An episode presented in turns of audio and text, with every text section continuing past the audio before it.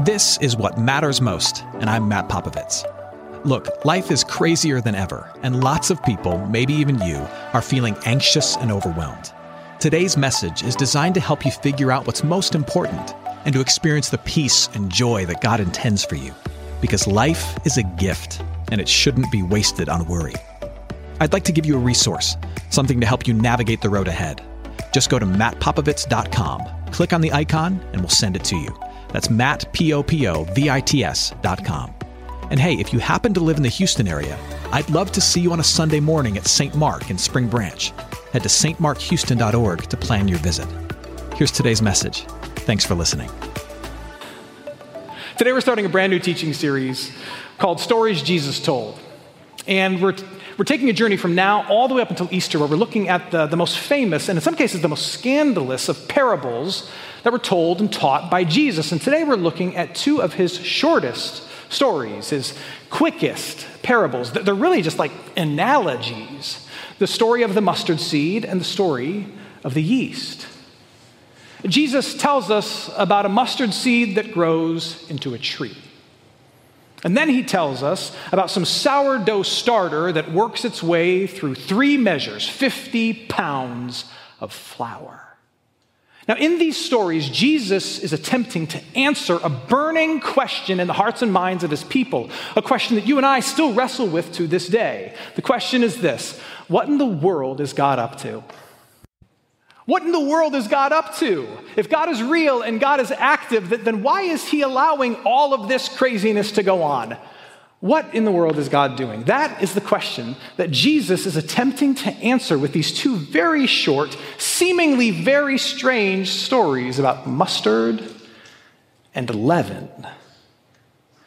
Now, there's a lot that can be said about the kingdom of God from just these two stories, but what I want to do is highlight three things.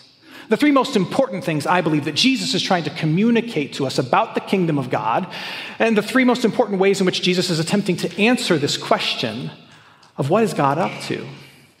The first thing we can take away from these two quick little stories is that God is at work. God is at work. Whenever Jesus uses the phrase kingdom of God or kingdom of heaven, uh, and he uses it a lot, he is not talking about a location. He's not talking about a place. We, we understandably assume that he's talking about maybe castles and thrones and drawbridges and knights, but he's not talking about that. When Jesus talks about the kingdom of God, he's talking not about a place, but about an activity. It's less of a noun and more of a verb. Jesus is talking about the reigning and ruling activity of God. And what he's saying is, God is always at work doing his king thing in this world. He's always reigning and ruling and kinging, if you will. That's the first and arguably the most important point that Jesus makes. God is always at work. Now, now, why choose a mustard seed and some sourdough starter to make this point? Well, it tells us two things about the character of God's work.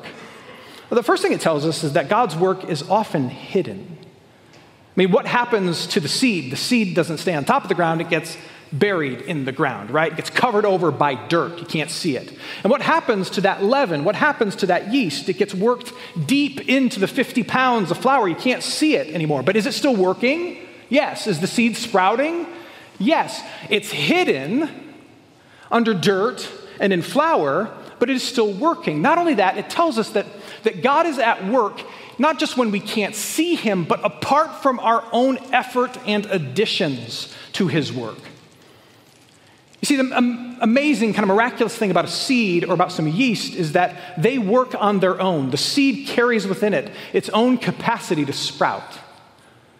And the yeast carries within it its own capacity and ability to work and here's why this is important. You and I often get caught in the trap of thinking that God needs our help or that He needs us to somehow activate His activity.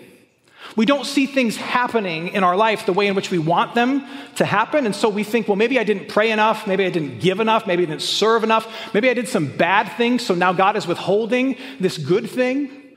But that's not what Jesus tells us, not the picture he paints when he chooses a seed and he chooses yeast. What he's saying is, God is at work in hidden ways that you can't see at all times, apart from your effort, apart from your addition, apart from your incantation. Can you work with him? Can you join him? Yes. But are you essential to his activity and him getting his will and his work done in this world? I hate to break it to you, but you're not that important. No. God is at work in hidden ways behind the scenes all the time. And this is really good news for some of us because some of you have been looking at a difficult situation that you are holding in your hands. Jesus has good news for you. God does not withhold his blessings, God does not withhold his work, he does not withhold his activity based on you. In the same way that the farmer doesn't make the seed sprout, and the baker doesn't make the yeast grow. You don't make God work. God is at work at all times, in hidden ways, on his own accord, with his own power. Now, the other thing that this kind of twin set of parables tells us is not only that God is work, but he, God is at work, but God is at work primarily in the small things. Mustard seeds and leaven were common images or analogies in the ancient world. In the same way that we use, we use certain expressions like, like um, we, we blew the roof off the place, or this person was a handful, they had certain expressions to illustrate certain things in the ancient world as well. And mustard seeds and leaven were common illustrations. They were used to illustrate weak and small and meager things. You'd use a mustard seed or leaven as reference for something weak and small and meager. What Jesus is saying when he compares the kingdom of God to a mustard seed or to leaven is that, look, God is not only working behind the scenes on his own, apart from your effort and addition, but God is at work in the small things, the weak things primarily. If you want to see where he's working, if you want to notice his activity, if you want to get as close as you possibly can to the work of God, his reigning and ruling work in this world, then open your eyes to and embrace the weak and the small things and the seemingly insignificant things and the easy to overlook things in this world, because that, that's where God is. And of course, this makes sense once you think about it. I mean, just look at the, the story of the scriptures, of this, this record of God's activity in our world. And look at the people that he chooses to work in and work through. Does he choose the wise and the successful and the capable and the most holy? No, most often not. He often, if not exclusively, chooses the weakest, the lowliest, the messiest, the most sinful, the most disgraceful to be the leaders and the primary players in this story. It reads like, like the HR manual from hell. Like all the wrong people God picks and he works through. But not only that, like, like Jesus shows up and Jesus starts preaching the message of the kingdom, and what does he say? He says, The broken-hearted people, they're the ones who have the eyes to see God's activity. The one who are weak in this world, they are the ones who can who can see and perceive what God is doing because they've already been humbled. The facade has been broken. They know that they're weak and they see the weakness and brokenness in this world because that's where God resides. They can see Him. And then you know as well as I do that there is story after story in the whole of human history of God showing up. And where does He show up? Does He show up on the mountaintop experiences of life? No, he, he is not the God of the mountain, he is the God of the lowlands. He, he shows up and he gives his gifts and he does his work when you are at the end of your rope. That's the story everybody tells. He likes to meet you at the place we call rock bottom. That's how the story goes.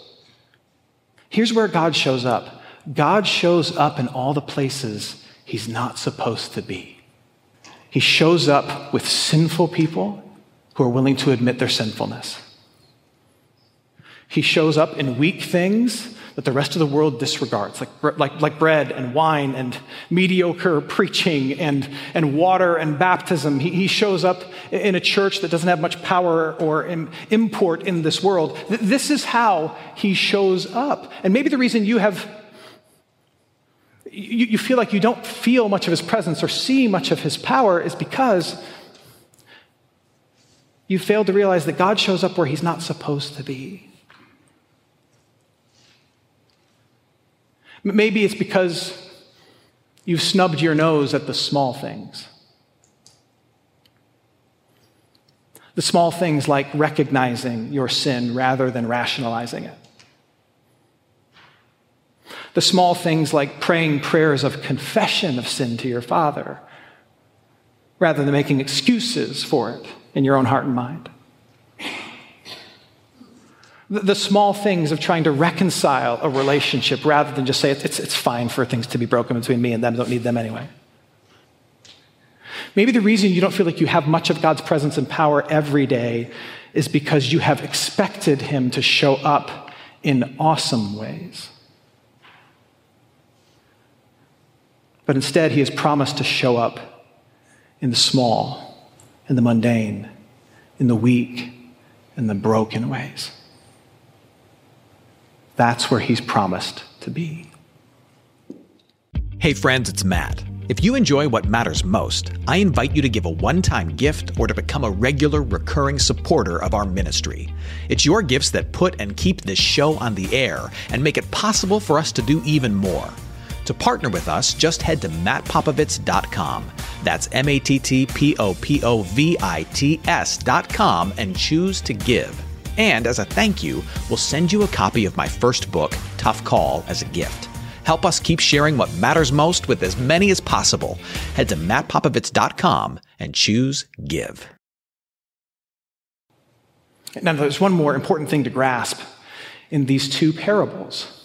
Not just that God is at work, albeit in hidden ways and, and apart from our own effort and energy, and not just that God is at work in small things, but, but that God is at work in small things doing a big thing. He's at work in small things doing a very big thing. You know, it's, it's no coincidence that Jesus talks about that, that mustard seed growing into a tree. They didn't typically grow into giant trees, let alone trees that can house the birds. It's no coincidence that he talks about the leaven that goes through 50 pounds of dough. That's, a, that's enough bread to feed a small army. Jesus' point is this that, that the kingdom work of God, though hidden, though working on its own accord, though, though active in small things and meager things and humble things and easily overlooked, nobody wants to do them kind of things this work of God, this reign and rule of the kingdom is going to grow and expand and just keep growing and growing and growing until it overtakes every atom of existence. That's the full promise. And we see hints of this coming to life already in the history of the church. I mean, you think about when Jesus died on the cross, rose from the dead, and then ascended into heaven at, at the peak of his ministry. You know, he's ascending into the clouds. People are like, man, he probably was really the real deal, huh? He's got maybe a few dozen followers. That's it. And then, you know, fast forward 20 years, and there's 8,000 followers of Jesus Christ. Then you go to like 350 AD. There's 34 million followers of Jesus Christ in the Roman Empire. And, but how did it spread? Did it spread largely through power? No, it spread in weakness, through persecution, through suffering. From, from one peasant sharing the gospel with another, one beggar giving bread to another. That, that's how it spread, but it spread nonetheless. And, and now you've got billions upon billions of people who have had their slates wiped clean through the blood of Jesus Christ and been given the hope of eternal life through his resurrection from the dead. Billions upon billions of people you also have billions more who have been on the receiving end of acts of mercy and kindness uh, on the fight for justice in Jesus' name. Let me give you an example. did you know that in the United States alone, 70% of all charitable giving in this country comes from people of faith? People of faith gathered around the name of Jesus giving generously to their churches, giving generously to other organizations in the community. They're working for good, working for the things that God loves.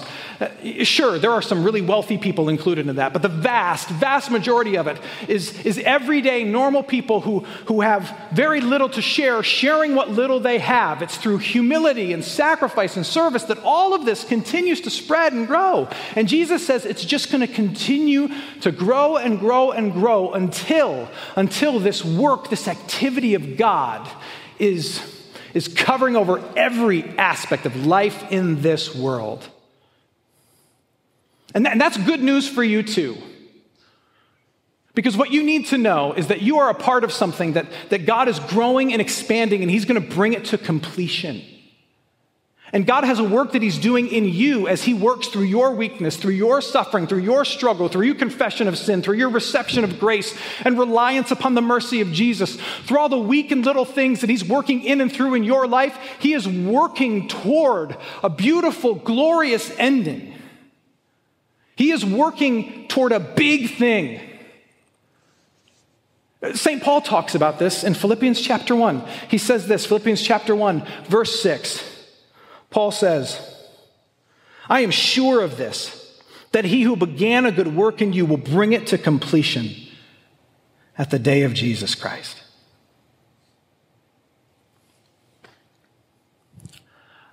I want to tell you about another tree.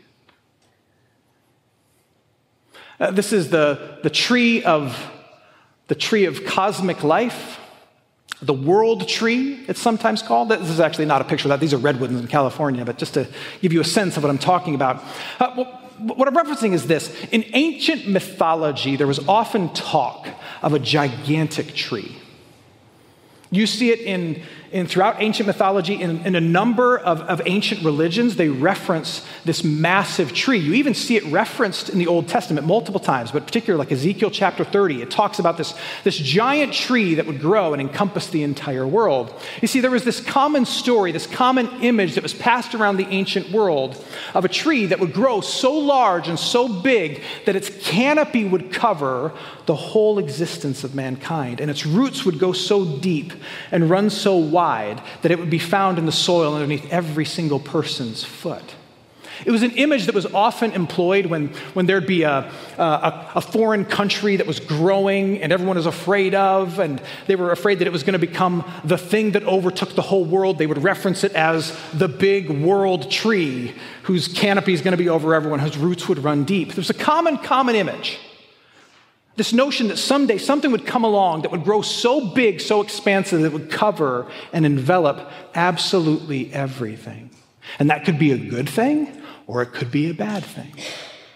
Now, now, generally speaking, a large tree is a good thing. I mean, have you been to the redwoods in California and looked up?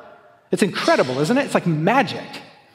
Or have you, have you sat underneath a giant pecan tree on a hot Houston summer day? It's like literally life saving, isn't it? Now, now, Jesus knows this image, he knows it very well.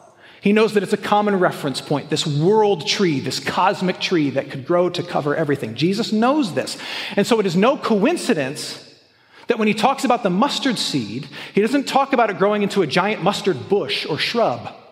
What does he say? The mustard seed grows into a massive what? Tree. The kingdom of heaven is like a mustard seed that grows into a massive tree so big that all the birds of the air can rest inside of it. What is Jesus saying to his first century hearers?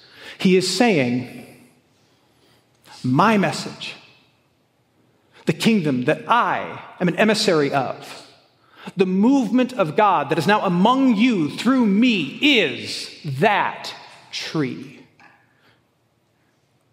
It moves and works behind the scenes. It is sprouting in weakness and humility. But do not be deceived. It will grow and grow and grow and grow until it encompasses every square inch of reality.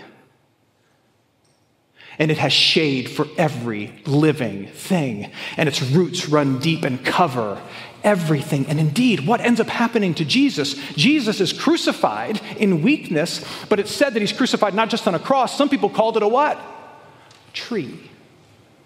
He's crucified, he's killed on the tree. And from that tree, though he's killed in weakness, he, he forgives the sins of mankind and he rises out of the grave. And now, from that tree that he's killed, there flows mercy and grace enough to cover over and cast shade upon every living thing. And the roots of his resurrection run so deep that there is now everlasting life available for everyone. And at the return of Jesus Christ, the fullness of that tree, the greatness of that kingdom is going to be revealed for all to see, for no one to doubt. Jesus is going to come back, and the only thing that we will know is that we sit underneath the shade of the grace and the goodness and the glory of God. That is all that we will know.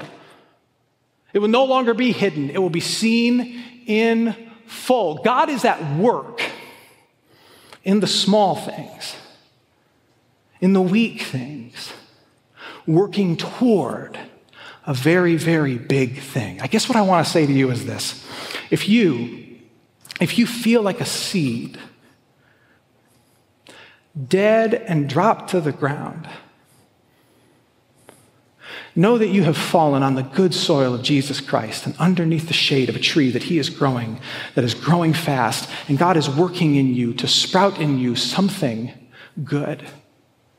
He's working through your weakness and pain to draw you closer to Him. He's working through your, your your meager status and your struggles of this world. He's working through all of it to draw you deeper into His love and closer to Him. And it is not for nothing, it is not for waste. It is part of something much bigger that is growing and growing and will not be stopped. But here's the thing you will only appreciate that and understand that if you are willing to look at and wrestle with and deal with the small things and the weak things where God's activity is found. You want to see God working? Look at your wounds. You want to experience God's power? Confess your sins. You want to feel God's presence? Come to church more than once a quarter, for goodness sake. You want an encounter with His physical presence? Come to the Lord's table. You want to know beyond the shadow of a doubt that you and the people you love are part of his family? Get your kids baptized, for Pete's sake. It's been too long. He is here to be found. He's not in the places that you would want or expect. He's where he's not supposed to be, in all the weak things that nobody wants to do. But he is here, working a great big thing. I want to close with a question. It's not the same question I started with. The question I started with was, what in the world is God up to? Well, we know what God's up to. He's at work in ways that are often hidden, in small things, weak things, broken things, bad things, difficult things, to accomplish a big thing, making his power and his goodness and his glory known in this world. We've answered that question. My question for you is this, and it's a good one for the season of Lent that we are in. What small thing are you avoiding? What weak thing, what humble thing are you avoiding because it's unpleasant or it's not ideal? What small thing are you avoiding, and in doing so, missing out on the activity of God? Because that's where He's promised to be found. It could be a sin that you are refusing to confess, a habitual struggle that you are unwilling to give up, a prayer that you are too proud to pray a, holy habit that you are unwilling to form, a relationship that you'd rather not fix and reconcile. It's a hard thing, it's a weak thing, it's a humble thing, but if you avoid that thing, then you avoid seeing and experiencing the big thing that God is doing. What is the small thing that you are avoiding? Do not despise small things, my friends. Because this is where God is moving and working. And in it all, he's up to something great and good in Jesus Christ. I pray that you would believe that and that you would experience that. Amen. Hey, it's Matt. I hope you enjoyed what matters most. Here's what I need you to know life is a gift, and it shouldn't be wasted on worry. I want to help you figure out what's most important and to experience the peace and joy that God intends for you. So for more content, you can head to mattpopovits.com. That's Matt, P O P O V I T S.com. There you can also support this ministry, as well as access your free resource, a little something to help you navigate the road ahead. I'd also love to see you on a Sunday morning. If you're in the Houston area, head to stmarkhouston.org to plan your visit. In the meantime, hit me up on Instagram at mpopovits or at facebook.com slash Matt Popovits Ministries. Thanks for listening. Now go and hold tight to what matters most.